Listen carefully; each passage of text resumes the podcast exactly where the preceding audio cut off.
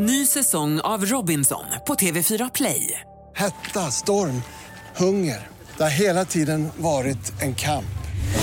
Nu är det blod och tårar. Fan händer just nu. Det. är Detta är inte okej. Robinson 2024, nu fucking kör vi! Streama söndag på TV4 Play. Podplay.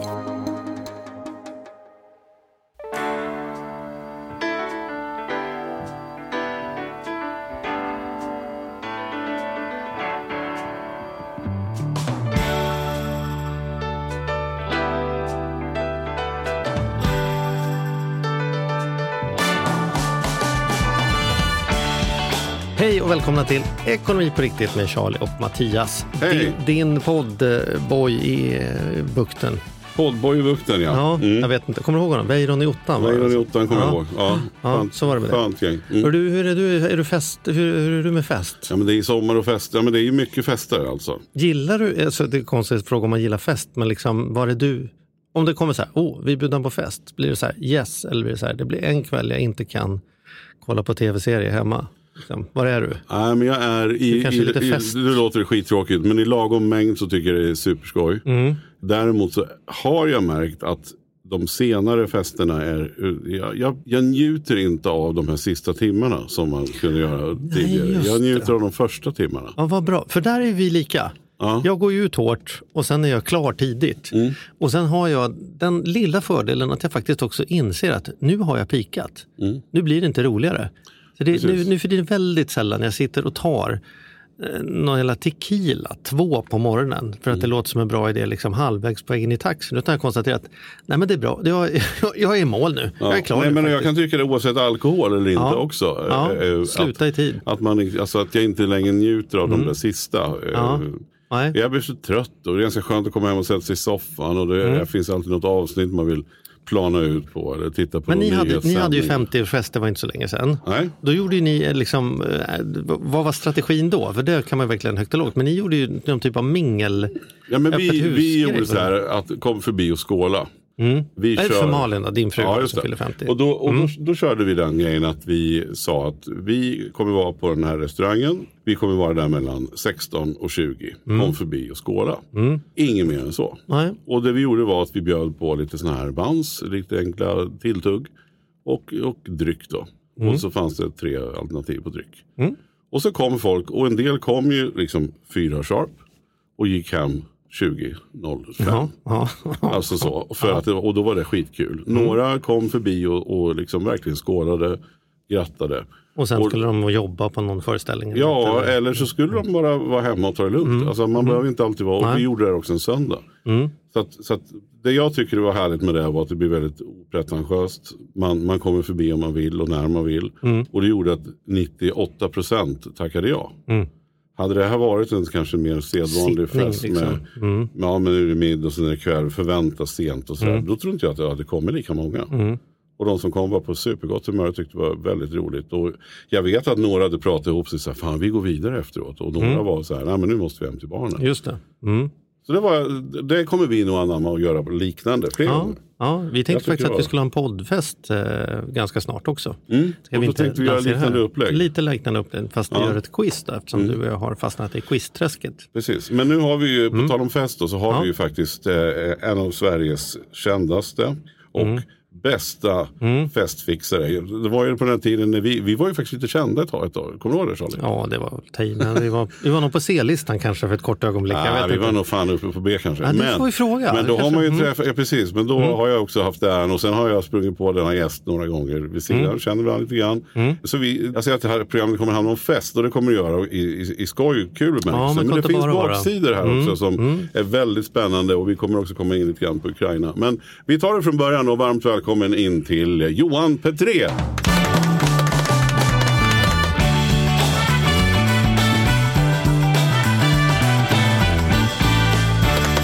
Stort tack.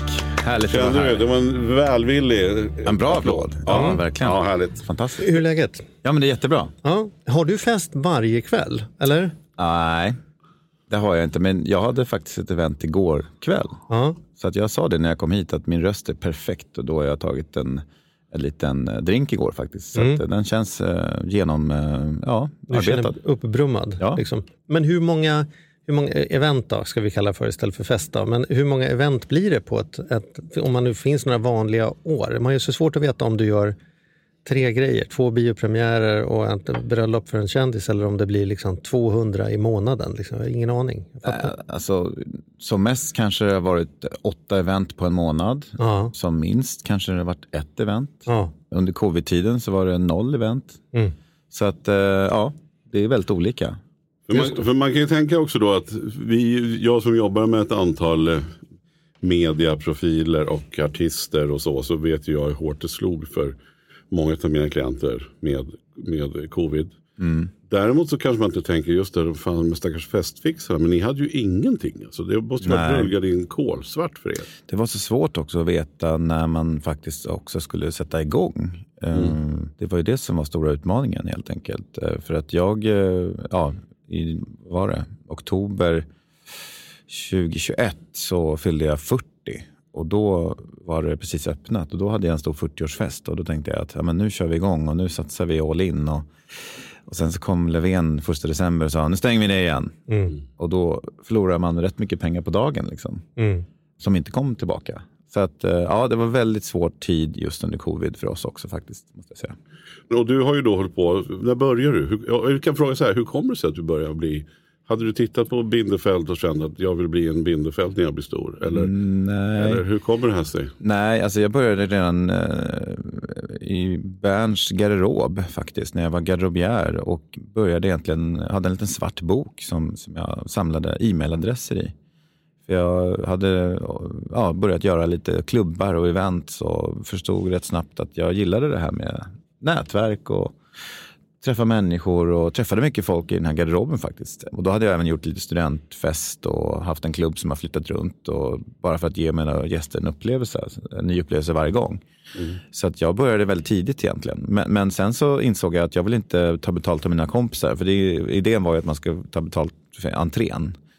Och det var rätt jobbigt eh, att känna den grejen. Och då tänkte jag att jag vill ha företagen som betalar för mina idéer istället.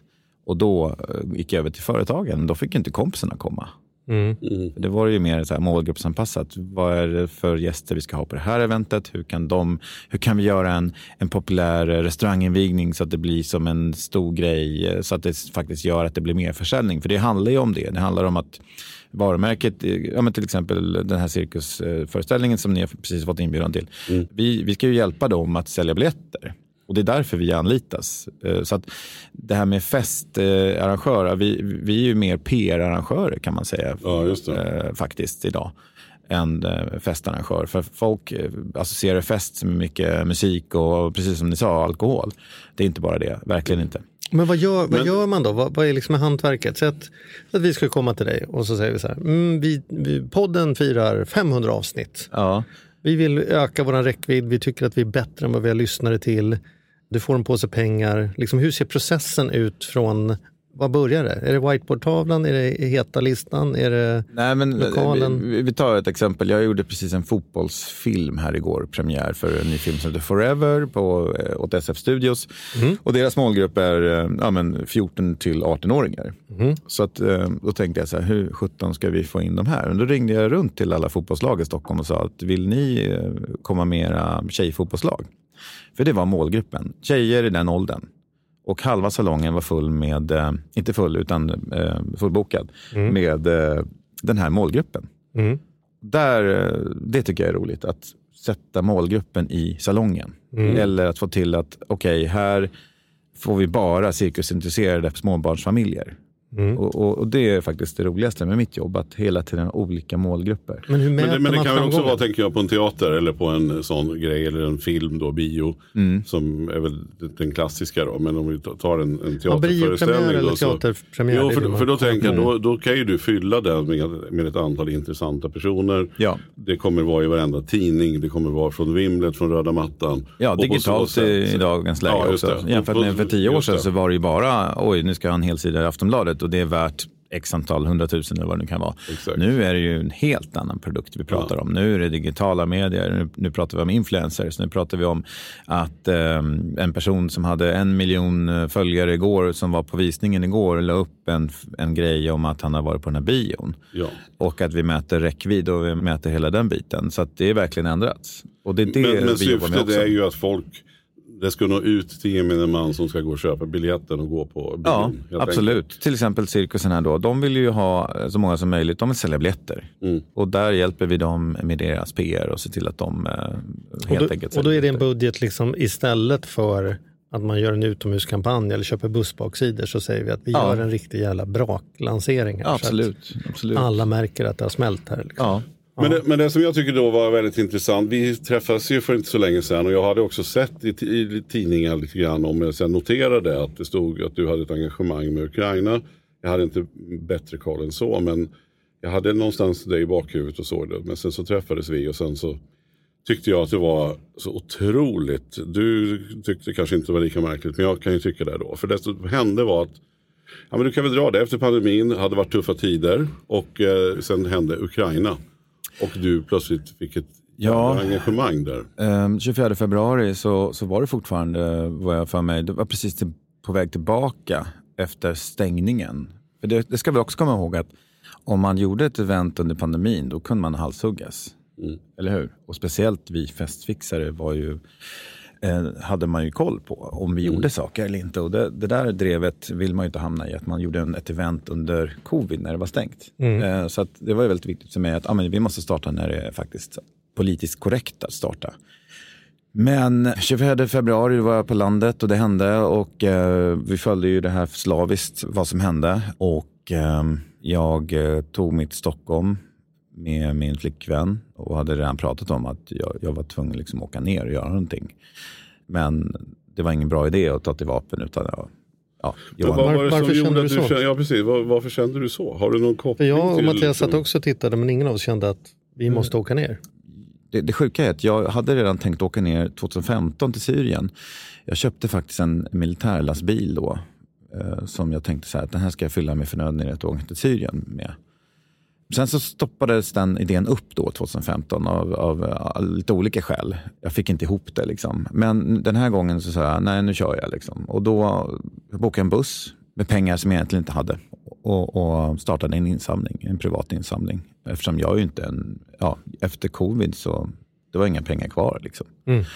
Men jag- tog du upp svarta boken då? då? Alltså, Ringde du Ja, från alltså jag garderobslistan? tänker så här, vilka, så här vilka, hur gör man då om man bokar en buss? Och Nej, men det, vilka ska med? Då, jag, jag gick ut rätt hårt på mina sociala medier och berättade att jag tänkte göra det här.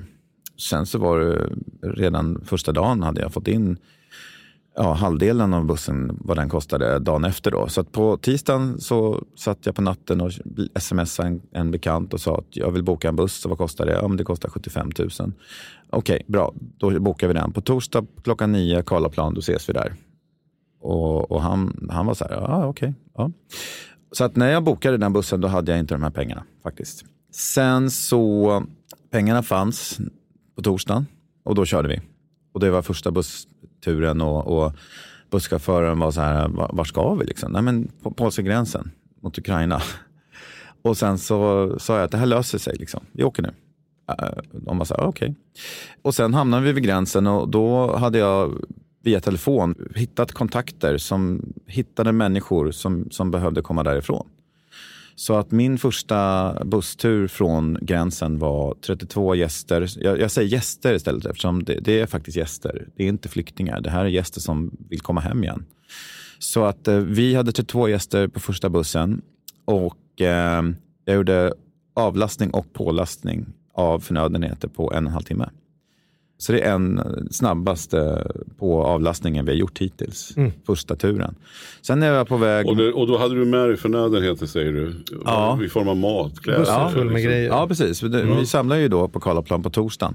Ja. Eh, hela, det blev en jättegrej. Jag trodde aldrig att det skulle bli en sån grej, att vi skulle följas av media och, och, och Ja, TV4. det var ju då, och, då, då jag såg, det kom till mig någonstans att du Ja. ägnade dig åt det där. Ja. och, och, och de ville följa efter och se vad som hände och sådär. Så att, sen så hoppade jag av i Warszawa när jag hade berättat för alla på bussen vad, vilken kontaktperson de hade. Och, för jag ville att de skulle känna sig trygga, de här familjerna. Så att, eh, till exempel eh, Lia Boysen och Per Broman tog emot min första familj. Och de hamnade på Gotland och hon, eh, hon har det bra. De har det bra. Hela familjen har det bra idag. Och, eh, det var viktigt för mig att innan jag hoppade av i Warszawa så visste alla att de hade en kontaktperson. De hade fått se en bild på personen som de skulle få bo hos. För det var ju väldigt nytt allting. Liksom. Vad händer nu? Hur ska vi ta hand om gästerna som kommer hem till, mm. till Sverige? Så det var ju extremt viktigt. Så min flickvän och några till tog, stod, tog emot gästerna när de kom till Stockholm och jag var kvar i Warszawa. Och det var då vi byggde busshubben i Warszawa. Som då finansierades av svenska folket bland annat. För då var det mycket donationer från Sverige fortfarande. Sen har det ju blivit internationellt. Men där gjorde vi eh, 57 bussar finansierade vi eh, totalt från gränsen och Warszawas. För att vi kom ju sen till gränsen där vi kände att de, de allra de människorna som verkligen behövde det kom iväg och också djur. Det var väldigt svårt för många att ta med sig djuren och transporteras på flyg och sånt där. Så att det var 500 djur ungefär som, som vi då hjälpte till och, och se till att de hamnade ja, ni hittat, Då har ni hittat kontaktpersoner till alla dessa buss, alltså, mm, Nej, alltså många, det kom ju bussar från hela Sverige helt plötsligt. Det var ju ja. bussar från Alingsås, och det var Göteborg, det var Malmö, det var Kalmar, det var vissa hamnar på Öland och vi försökte projektleda det här så gott det gick. Liksom. Så att jag trodde mycket på att sprida ut alla människor så mm. att de inte hamnar på samma ställe, för det skulle ju bli kaos i, i Sverige då också också. Nu var det inte så många som hamnade i Sverige på grund av att det gick ett rykte om att Sverige inte var ett NATO-land. Så att de här kvinnorna och barn, eller kvinnorna framförallt, de med familjerna, de var ju lite rädda för Sverige. Liksom, för de kände bara att nej, men vi vill inte åka till Sverige, för vi vill åka till Tyskland eller vad det kan vara. Mm. Så det var en, en anledning, tror jag, för att de inte vågade åka till Sverige. Men här måste du ha haft en enorm nytta av din, ditt arrangörskap. Alltså att, att ordna en fest är ju många trådar i luften samtidigt. Och du blir inte rädd om det fattas en buss, det har du löst på en halvtimme förr. Ja, precis. Så jag har väl en viss eh, snabbhet i huvudet tror jag. Så att det, ja, och sen så fortsatte vi att jobba in i landet och, och, idag så har vi, hjälper vi till vid fronten. Alltså. Och när du säger vi, vad är det en organisation då? Som... Ja, vi har startat en organisation som, som jobbat i, i Ukraina sedan eh, ja, den dagen jag började egentligen. Mm. Och eh, just nu handlar det om sjukvård, ambulanser, stötta sjukvården. Och eh, nu när Cherson var så var det vårt team först på plats nästan i hela världen som hjälpte till. Och Det har också gjort att vi har nu blivit liksom en internationell spelare. faktiskt. Vi får donationer från USA, Japan, Kanada, England och det är rätt häftigt. Och Det här är ju på grund av att vi visat upp hela tiden vad vi gör på våra sociala medier. Vad heter ni? Eh, Operation Aid eh, heter vi och eh, det namnet föddes i eh, Krakow när vi hamnade där och där vi sa att nu kör vi igång eget där vi känner att vi har full kontroll och att vi kan eh, se var alla pengarna tar vägen. Vi har eh, ett väldigt bra liksom, track record bakåt. Pengarna har kommit 90 fram. 90-konto som det heter antar jag? Nej, inget 90-konto än. Och det är det som är häftigt också att vi har lyckats utan 90-konto. Mm. Så att eh, det, det är en häftig resa tycker jag faktiskt vi har gjort. 90-konto är ett speciellt typ av... Ja men det är ju man, det är någon slags verifiering från Ja, man har en revisor och man har liksom på ett det helt annat sätt. Det går väl inte på en kvart att få till det direkt? Nej, det tar lång tid. Det gör det. Men det, sanningen är nu att vi har faktiskt eh, gjort om föreningen till en stiftelse. Mm. Och stiftelsen, eh, målet med stiftelsen är att, att Operation Aid stiftelse ska vara ett 90-konto. Mm. Och eh, att vi vill, vi har gjort det bra, men vi vill göra det ännu bättre. Och det är det nya just nu.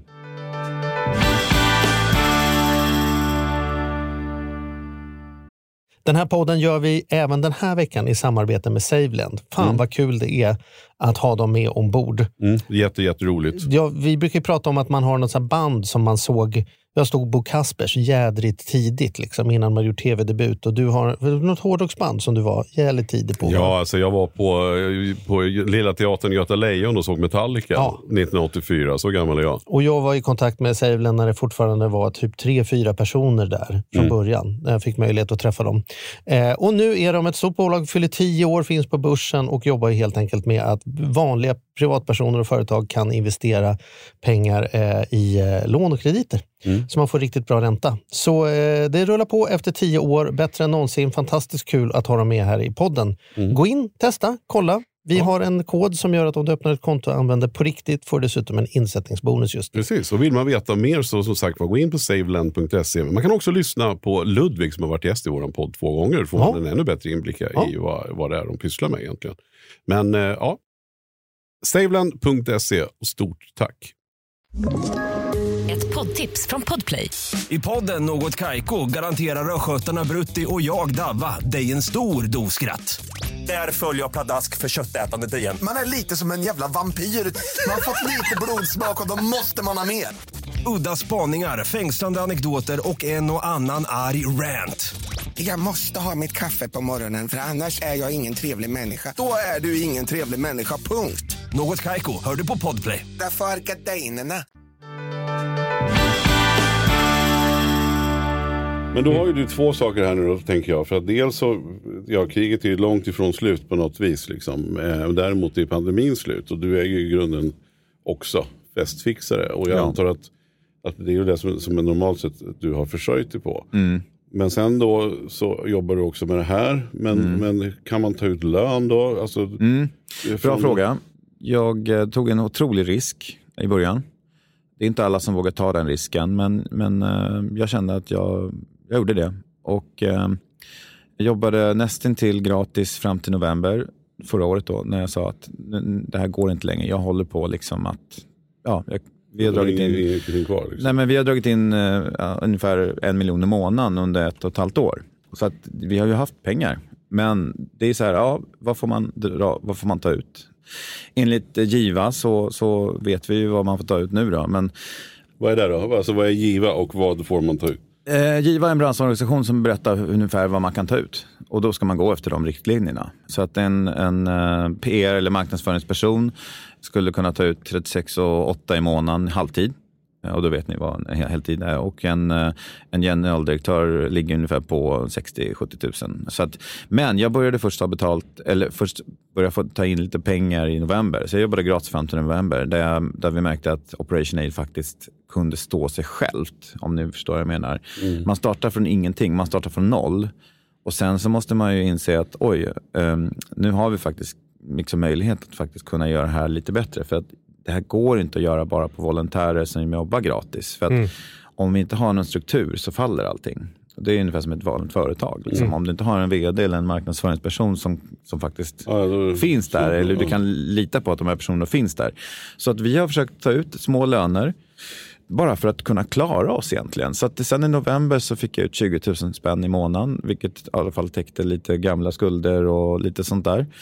Och sen eh, i mars månad så fick jag ut en, en halvtidslön när jag jobbat, kan man säga, fulltidslön då, sen eh, 3 mars.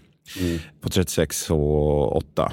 Då vi kände att vi har Det faktiskt... bär sig liksom. Det bär sig, precis. Och det är ju det det handlar om. Att, att pengarna måste ju in för att det ska fungera. Och, eh, jag, Men, ju- men det låter som att är det här en känslig grej? Alltså jag kan tänka mig att det är känsligt därför att det är någon slags välgörenhet. Men samtidigt så måste man ju för fan, om inte du gör det här jobbet Ja. så blir det ju ingenting. Liksom. Men Alltså- ledarskap värderas ju inte. Det är Nej. så i alla organisationer. Nej, de där men- jävla cheferna ska tydligen också ha betalt trots att de inte gör något. Precis. Den attityden är ju överallt. Precis, liksom. och där, det där har ju varit en svår grej tycker jag. Sen har ju många av våra volontärer fått en, en eh, dagsersättning eller en månadsersättning som har varit på plats. Mm. Det är ingen som kan eh, jobba gratis. En vecka men inte i två år. Liksom. Nej, framförallt när vi gör ett jävligt bra jobb och, och, och det har vi gjort. Och, och, mm, alltså, jag har ju använt mitt nätverk och eh, min, mina PR-verktyg för att eh, verkligen dra det här vidare. Och Operation Aid har eh, blivit en av Sveriges mest kända Ukraina-organisationer idag. Vilket eh, såklart eh, har varit allas insats i det här. Men det är klart att det är en känslig fråga. Jag tycker själv att det finns stora organisationer där man sitter och tjänar liksom flera hundratusen och jag tycker att det är för mycket. Jag tycker att eh, det ska vara en bra nivå på det. Eh, Jag ska helt inte klart. hänga ut någon men jag vet eh, till exempel en sån organisation som Sida. Och liknande organisationer där man ju också åker med familj och den som man är gift med får också följa med och få betalt om man tjänar ganska, eller jävligt bra pengar. Så att vissa, i vissa organisationer har man kommit längre och insett att det funkar inte annars. Liksom. Sen kan inte jag bedöma huruvida Sida att det är för mycket eller för lite, det skiter jag i. Men, men man har det ganska gott ställt på vissa ja. sådana organisationer. Liksom. Och, och jag får lite känslan av att det håller på att röras om i grytan. Det, det är i alla fall någonting som jag tycker borde göras, helt klart. Men då tänker jag så här då, det det här måste ju ha varit en otroligt bra publicitet också för dig som varumärke. Om man, om man liksom bara tänker i ett första, för det var ju så jag tänkte i det här. Att fan, Det man förlorar på gångerna tar man igen på karusellen. Annars Ja, men liksom, och, och, att, lågt. och att jädrar vad många måste sätta värde på det du har gjort. Du gjorde någonting som inte jag skulle ha vågat. Jag hade inte vågat åka ner dit tror jag. Alltså, Eh, till att börja med kan jag säga att det finns de volontärerna hos oss som verkligen står vid fronten. Jag ser mig själv mer som en person som ska dra in eh, de större pengarna via större donationer. Och vilket jag har gjort. Så att, eh, jag vill hylla de volontärerna som faktiskt, det flyger missiler över. Och jag är så glad att det inte har hänt någonting med några av våra volontärer hittills. Det är klart att vi var rädda. Det är klart att man var rädd att komma in i Ukraina. Men vi har förflyttat oss in organiskt och jobbat oss fram hela vägen med små steg. Men nu är vi längst fram och hjälper till med sjukvård till de som behöver det mest. Och, Det är fantastiskt. Men bara så här vidare, då tänker man ju att nu är det, då får ju du bara hem och festfixa vidare parallellt. Har det funkat att Så att köra du de två liksom- sakerna samtidigt? Alltså man blir ju att- lite splittrad. Eh, speciellt när man får mycket att göra eftersom jag har inte haft möjligheten att anställa någon eftersom eh, ja, man vet ju Mm. inte hur fan ska det gå. Liksom. Mm. Så att om jag hade haft kollegor och, som jag har tagit stöttning från och liksom jobbat mer med, med admin sakerna så, så hade det ju sett kanske lite skönare ut för min del. Men jag måste göra allting själv just nu, vilket också är rätt så roligt. I'm back to the roots. Liksom. Mm. Jag är inte en sån som liksom sitter och, och ligger på en solstol och så sen jobbar kollegorna runt omkring mig, utan jag jobbar gärna mycket själv. Men när det är många event på en gång, då, då, som nu, den här veckan var helt crazy. Så då blir det lite splittrat. Och, ja, den ena stunden står man och håller på med liksom, eh, inlägg om ambulanser och det är skadade liksom, och sen så är snittarna liksom här. Mm. Det blir lite knäppt. Så Ja, men hur går det? Alltså, jag tänker det liksom, ja, nu, du, du har två förlorade, liksom missade samtal när vi klarar det här. Ett handlar om någon ny modell på diskmaskin som ska lanseras och något handlar om en barnfamilj som är splittrad liksom, och pappan är skjuten. Liksom, det, det, det kan ju bli lite klurigt att tänka sig, fan jag tar diskmaskinsamtalet först här. När jag var nerringd i Warszawa, när det ringde folk och ville ha hjälp, när de hörde att vi var där och hjälpte dem med hotell och sådär, då, då, då var jag ju nerringd dygnet runt. Mm. Och då missar jag ju sådana här samtal som kan vara viktiga med affärer till affär, byrån. Så- Så att det har ju varit jättesvårt och det, allting tar mer tid än vad man tror. Speciellt eh, när det har blivit så stort. Så att det, det har varit lite problematiskt. Så att man har liksom försökt göra så gott man kan och det har varit mitt mantra hela tiden. Vi gör så gott vi kan och försöker vara liksom, ja, bra Men- medmänniskor. Men ska vi vara helt ärliga så, så, så fick jag i alla fall intrycket av dig, du sa det inte rent ut, men att någonstans att dina konkurrenter liksom har ju passat på när du har varit i Ukraina om vi ska hårdra det. Liksom. Ja, mina kunder som jag hade innan, till exempel en kund jag haft i tio år, de, de har ju eh, ätits upp av andra kollegor i branschen. Men jag kan förstå dem. Jag kan förstå mina, mina kunder att de inte kanske vågade höra av sig när jag är i Ukraina. Det är klart att det känns ko- konstigt att ringa så här, hej, du kan du hjälpa oss med den här premiären eh, nu? Eh, När de ser. Och jag har ju liksom använt mitt sociala media-konto som en motor att faktiskt visa att det här fortfarande pågår. Och, och det kan jag förstå att mina kunder då tänker att "Ja, men Johan har inte tid. Eller han, har liksom, han gör något annat. Och det, det, jag kan förstå mina kunder, att de, de som jag nu har tappat under den här tiden, att, att eh, de eh, kanske inte ringde utan att det kom någon kollega i branschen och körde vidare. Och precis kommer de väl tillbaka när de förstår att du faktiskt har hittat någon balans att göra både och. Ja, jag hoppas det i alla fall. Jag, jag har ju alltid levererat bra, bra material och, och bra event. Mm. Tycker jag själv i alla fall. Sen har jag en helt ny erfarenhet nu och det är att vi har eh, ja, startat organisation och eh, jobbar med den. Det är inte helt lätt heller kan jag säga. Det är liksom 80 volontärer som har sina egna viljor också. Mm. Så att det är inte så lätt att, att ha gjort den här resan. Och det har varit en bara, bara formeln kring en stiftelse. Jag har, några, jag har några, varit med och satt igång ett par stiftelser och de är ju det är ju precis så trögt som det ska vara. Därför att en Ja. stiftelse ska ju verkligen vara och bestå. Och den ska ju typ vara omöjlig att göra om och omöjlig att avsluta. Ja. Och därför så är det men det är också nästan omöjligt att få igång den. Så jag kan ju förstå att det är mycket sånt som du har Ja. fått lagt tid på. Det är utmaningar hela tiden, det är det. Men framförallt det här med att ide- identifiera vilka samtal är viktiga. Hänger ni med vad jag menar? Alltså, Oj, här ringer man om det och sen så kan det ringa en tant och säga, eller jättegullig tant och säga, oj jag har en påse, kan ni komma och hämta den? Och sen Mm. så ringer helt plötsligt, oj jag har tre lastbilar med vatten här som Mm. jag vill skänka till er. Jag, kan, jag får inte tag på någon annan. Eh, Men jag vet att du är en vän till en vän. Och helt plötsligt så har jag fixat tre lastbilar vatten ner till Cherson.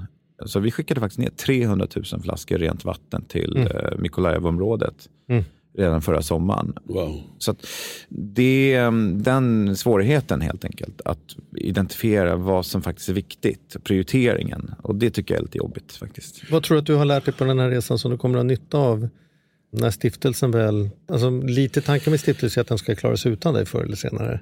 Vad kommer du ta med dig från hela den här resan? Att lyssna på mig själv och min magkänsla. Att, att lita på den. Vi har sprungit på lite svårigheter också under tidens gång. Och eh, med magkänslan så, så måste man bara fortsätta tro på sig själv och inte lyssna på andra som man tror ska vara smartare än själv. Mm. Faktiskt. Och när du säger att du sprungit på lite svårigheter, har du något exempel? Ehm, nej, men det är ju det är klart att alltså alla i organisationen kanske inte eh, har samma mål och samma tänk som en själv. Jag har haft en, en väldigt högt tänk i det här. Vi har byggt PR-mässigt det här på rätt sätt. Så att alla människor är olika och eh, alla förstår inte ens hjärna ibland. Och det är som, förståeligt. Men som du säger, då, dina konkurrenter här hemma, det är ju mindre viktigt mot det jobb ni gör där nere och så. Det är ju ändå ska jag säga, bara business. Men kan du känna dig besviken och lurad där? Liksom? För ni är ju ändå, så här, jag antar att alla känner alla lite grann. Man delar på saker, man kanske delar på uppdrag och sådär. Men kan du känna att Nej. någon har liksom... eh, Nej, in- inte alls besviken så. Utan den, den här resan jag har gjort är någonting in, innerligt, själsligt och har gjort mig också till en bättre människa. Mm. Skulle jag säga. Alltså jag, jag har tre saker jag gjort i mitt liv som jag, som jag aldrig skulle ångra. Det är att jag cyklade till Göteborg en gång från Stockholm, tog fem dagar. Jättehärlig upplevelse. Cykla från Göteborg menar du? Nej, till, ja, till Göteborg från Stockholm, fem, fem dagar. Varför Och- ska man vilja till Göteborg? Kan du förklara Mattias? Nej, men, jag, och sen så sp- sprang Jag jag, jag och så sprang jag Tokyo Marathon, något av det bästa vi har gjort också. Aha.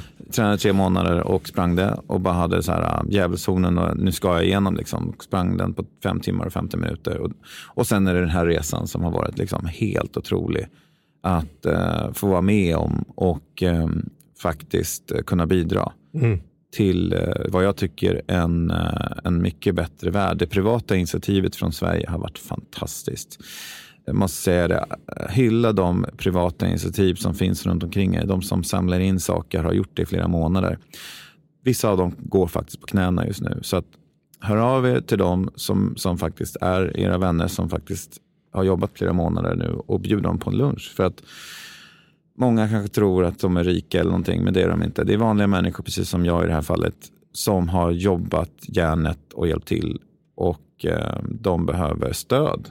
Mm. Precis som... som eh, Ja, men lite som sjuksyrrorna i pandemin. Ja. Liksom, precis. de går på knäna, de sliter liksom jävligt hårt. Och det privata initiativet är fantastiskt från Sverige, återigen. Och vad, men om man vill veta mer nu, vi, ska, vi, har, vi har lite andra grejer vi ska prata om också, men, men om vi bara, medan vi ändå är här nu då. Mm. Operation Aid, vart går man? Alltså, vart, hur hittar man om man vill skänka pengar, om man vill bidra här på något sätt? Nej, vad, vad gör man då? Just nu är vårt ambulansprojekt i Ukraina pågående. Följ oss på Instagram, följ oss på Twitter, följ oss på Facebook. Gå in och titta och följ hela förloppet. Det, är, det är som en dagbok. Det visar att, att vi har jobbat hårt. Det är ingen skitsnack. Boots on the ground som amerikanerna säger. Det är det som det handlar om. Närvaro. Ta reda på de andra organisationerna. Vad gör de? Vad har de för bilder? Känns det bara som en, en, reklambyrå som lägger upp vinterbilder på sommaren? Eller vänta nu här, vad är det här för någonting? Liksom? Mm. Jag har sett en stor organisation som jag alltid hyllar i Ukraina och i Polen. De heter World Central Kitchen. Gjort ett fantastiskt arbete om jag ska rekommendera en annan större aktör. En, eh, vi i Sverige vet egentligen inte riktigt vilka det här är, men de är fantastiska. De lagar mat runt om på ställen där det kommer flyktingströmmar. De uh, ger även volontärer mat faktiskt. Också viktigt. Volontärerna behöver stöttas. Mm. Och det är flera hundra som uh, finns runt om. Det är ju väldigt det är klokt, för det är, också, det är lätt att bara tänka på flyktingarna eh, så att säga. Ja. Vilket man ju naturligtvis gör i första hand. Men utan volontärerna så hade de ju inte kommit någonstans. Nej. Så att det är också... Nej, men det, det, min syn på volontärer är, det är de som är de sanna hjältarna. Men vad är planen framöver för dig nu då? Är det liksom, vad, vad är drömscenariot? Är det att du ska kunna jobba kvar med organisationen på halvtid och sen kunna köra P3-events? Eller alltså byrån? Eh, eller vad? Ja, P3-event kommer jobba vidare. Ta mm. de kunder som, som jag hanterar. Vi har eh, några bra uppdrag här nu i höst med Operation Aid. Vi hoppas på att eh, vi kan göra mm, stora saker i framtiden. Just nu är vi i ett läge där vi eh, jobbar lite med en, en omstrukturering kan man säga. Till att vi alla ska få en, en bättre tid framåt, vi som har varit inblandade. Så att, det, är, det är svårt att säga exakt hur det kommer bli, men jag vet att jag är en hejare på att dra in kulor. Mm faktiskt. Mm. Så där det, hoppas du, du ser ändå att du ska kunna fortsätta med båda, båda delarna så att säga? Dels du... Ja, jag hoppas det. Mm. Ehm, för jag insåg att jag var bra på det här. Och framförallt mår jag väldigt bra av att, att uh, hjälpa och försöka se till att det hamnar förnödenheter på rätt plats. Mm. Vad, vad, är din magkänsla då? På tal om magkänsla här. Så jag förstår att det är omöjligt att svara ett korrekt svar. Men mm. du är säkert närmare svaret eller känslan än vad jag och Charlie är här. Men hur länge fortsätter det här eländet? När... Hur går kan, det? Kan det ta slut snart? Eller vad, ja. Jag var i Kiev för två månader sedan och, och träffade faktiskt på Klitschko. Han tackade så gott för uh, vårt support och uh, han sa att uh, grattis till att NATO har gått med i Sverige. Och då sa jag, nej men det har inte riktigt hänt än, det var Finland. och så skrattade vi lite sådär. Men, men uh, jag tror att uh, med den informationen jag får så tror jag att det här kommer vara lång, långvarigt. Det har ju redan varit sedan 2014. Liksom. Där har ju vi knappt reagerat såklart, vad som har hänt där borta. Men när det blev en invasion i, till Kiev så förstod man att det här kommer vara stökigt. Liksom. Men um, de är otroligt beroende av väst och jag kallar det för humanitarian hope aid. Det är hoppet från väst som behövs just nu. Och vi får inte ge upp mm. för friheten och demokratin. Upplever du att det börjar Säger du på grund av anledning? Att det börjar falna stödet ifrån väst eller engagemanget eller att vi börjar bli lite så här, men det där var ju för gamla nyheter, nu är det väl där klart snart? Liksom. Ja, alltså donationerna har ju gått ner, så är det ju. Mm. Och jag har pratat med de andra stor, små organisationerna, inte de stora. Och det är ju så att intresset har svalnat. Så man, man behöver liksom hitta nya nätverk. Mina nätverk har redan skickat pengar, alltså det är mm. slut liksom. Mm. Förstår ni? Mm. Så man behöver hitta nya människor som tycker att man är fantastisk fantastiska på det man håller på med. Mm. Så där tycker jag är väldigt viktigt att komma ut i de här nya nätverken och faktiskt visa. Och där har Carola faktiskt varit en väldigt viktig person för oss. För hon såg vad vi gjorde och hon, hon såg och, och har sett hela vägen hur vi har hjälpt till. Och Det var det hon saknade i Greklandkrisen tror jag. Mm. Att hon märkte att var, var är all hjälp någonstans? Liksom? Mm. Och, och, Jag tycker att vi har tagit ett, ett väldigt bra men litet steg framåt i den frågan och där har hon varit väldigt viktig. Men om man nu vill göra någonting då som jag sa i det lilla då, för att det behöver inte, som du säger, man, det, de allra flesta kan inte skänka 10 000 i månaden eller man kan inte men är det bättre att man, att man sätter in en liten peng Absolut. eller är det bättre att man erbjuder saker? Nej. Liksom, vad, vad är det bästa Nej. man kan göra nu då för våra lyssnare? tänker jag? Saker är en, en mycket mer logistikapparat skulle jag säga. Och det har mm. vi, nu när det var vinter så skickar vi ner jättemycket kaminer. Vi har skickat ut 10 000 matlådor som en familj har kunnat leva på en vecka minst. Och ibland har vi varit först i byarna på plats. Och Det har varit extremt viktigt för vintern. Men ukrainarna, de, de odlar ju saker. Mm. Som, som, vi gör inte det i Sverige på det här sättet. Utan De odlar i sin trädgård, de kan leva på den i sommar. Men det är vintern som är extremt viktigt att vi supportar dem och fortsätter göra det. Och om det här kriget fortsätter i vinter så måste vi eh, supporta. Kaminerna är lika så. Elen försvann, vattnet försvann. Hur ska de laga mat? Hur ska de få värme? Det är kört. Och de här kaminerna som hela Sverige har hjälpt till med som har delats ut från egentligen eh, alla de små organisationerna har varit en jättehäftig resa att följa. Men då är det bättre att låta organisationen avgöra och sätta in en liten peng än att Lys, man lyssna skickar- på organisationen vad de säger. Vad Ja. behöver vi? Nu behöver vi köpa det eller det och det. Jag har faktiskt med en present till er också. Jag ska visa er här. Spännande. Till exempel här har vi då tryckt upp våran egen energidryck. Nej men titta där ja.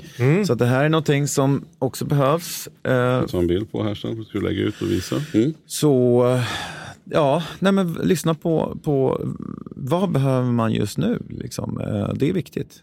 Ja, det gäller att hålla sig... Och det kan vara allt liksom- från att man ställer upp och hjälper till på en resa. Man åker ett varv ner, kanske hjälper till och bär och så sliter det ett varv så har man ändå gjort någonting. Ja. Allt, ja precis. Mm. Vi har ju kö- kört väldigt mycket bil. Våra bilar har kört, jag vet inte hur många mil, men eh, diesel är faktiskt en av våra största kostnad. Mm. Och det tänker inte folk på. Mm. Eh, Så att om du, eh, vi har fått donationer på 50 kronor, vi har fått donationer på 200 000. De här 50 kronorna täcker ju i alla fall en liten dieselkostnad. Liksom. Mm. Ja, fascinerande. Otrolig Spännande. resa Johan. Alltså, impone- imponerande. Man blir liksom... Vad känner man? Man, eh, så här, man blir lite tagen här. Liksom. Ja, ja Det det är verkligheten otroligt. kommer väldigt nära plötsligt. Ja, Ja, och också i kombination med din, det är ju också väldigt speciellt det här med att, att, att just din verksamhet innan med pandemin hade de konsekvenserna. Men sen ändå att du då liksom tar det här taget Många i ett skulle vara läge fullt där du, där du äntligen kan komma tillbaka ekonomiskt. Ja, Liksom. I mitt fall så har, kunde jag göra det här och jag hade inget barn. Jag hade en flickvän som undrade vart jag tog vägen i och för sig, men hon, det är okej liksom. Vi löste det. Men jag kunde göra det här och jag kunde lägga min tid på det här. Jag kanske inte kan göra det i framtiden igen, men nu har vi gjort det och det behövdes just då. Man får hoppas att dina tjänster inte ska behövas men de kanske kan finnas genom att du kan vara med och projektleda från hemifrån om det dyker upp någon annan kris någon annanstans i någon annan tid. Liksom. Ja, det är ju så det är såklart. Att man har byggt ett, nu, ett ännu större nätverk som kanske ja, men som gör att man vet vilka som verkligen vill hjälpa till på olika sätt. Men donationerna från både trebarnsmammorna som sitter och följer oss till affärsmannen som säger att ni gör ett fantastiskt jobb. Det är häftigt att se. Mycket fint. Gå in Ja. på Operation, Operation Aid helt enkelt på sociala medier och där hittar man allt. Och man Mm. Yes. kan också följa er där dagligen. Liksom. Yes, Mm. Johan Petré, stort tack för att du kom hit. tack.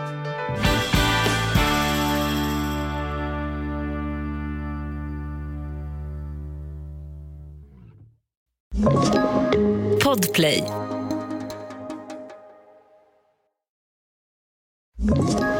Ett poddtips från Podplay. I podden Något Kaiko garanterar östgötarna Brutti och jag, Davva, dig en stor dos skratt. Där följer jag pladask för köttätandet igen. Man är lite som en jävla vampyr. Man har fått lite blodsmak och då måste man ha mer.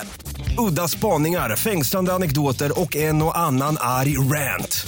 Jag måste ha mitt kaffe på morgonen för annars är jag ingen trevlig människa. Då är du ingen trevlig människa, punkt. Något Kaiko, hör du på Podplay. Därför arkadeinerna.